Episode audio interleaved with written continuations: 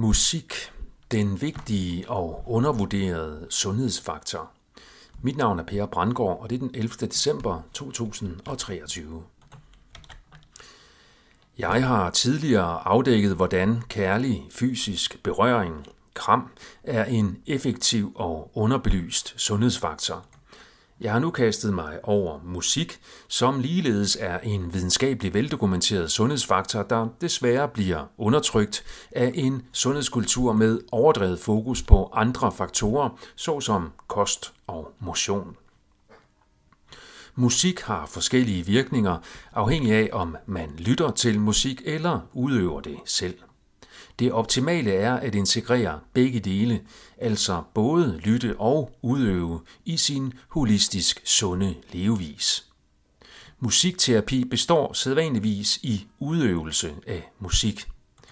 Det behøver ikke lyde godt for at virke. Det er selve den kreative proces med de musikalske udtryk, der gavner sundheden.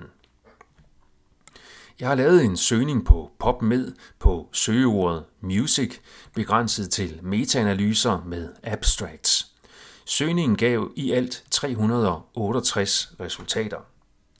Forskning har således blandt andet vist, at musikterapi reducerer stress og angst hos kritisk syge patienter – Lytning til musik under motion fremmer oplevet nydelse, fysisk præstationsevne og fysiologisk effektivitet.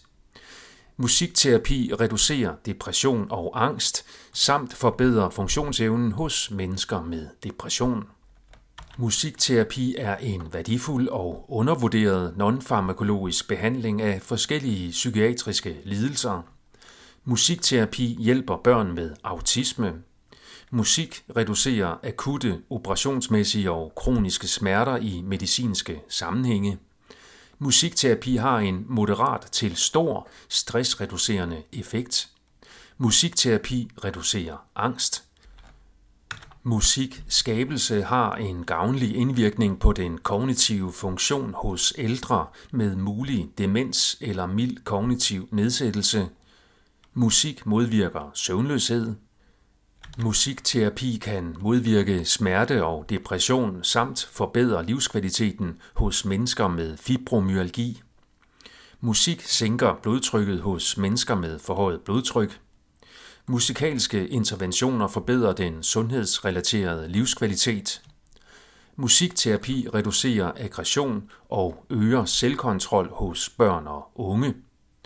Opfordring til mennesker med kroniske helbredsproblemer til selvadministrerede musikinterventioner fremmer det psykologiske velvære.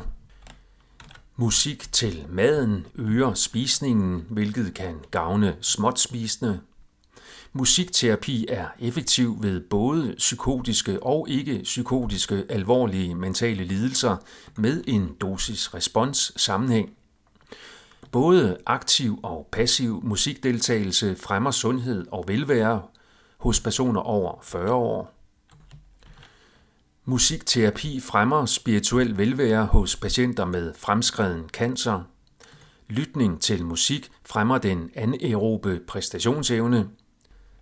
Musikudøvelse kan forbedre hukommelsen. Kunstnerisk skaben i form af musikalsk improvisation, tegning og litterær kreativitet aktiverer særlige hjerneområder med musikalsk improvisation som unik sammenlignet med det større overlap mellem tegning og litterær kreativitet. At spille et musikinstrument er forbundet med meget lavere risiko for kognitiv nedgang og demens hos ældre mennesker, og at spille et musikinstrument kan fremme den mentale præstationsevne.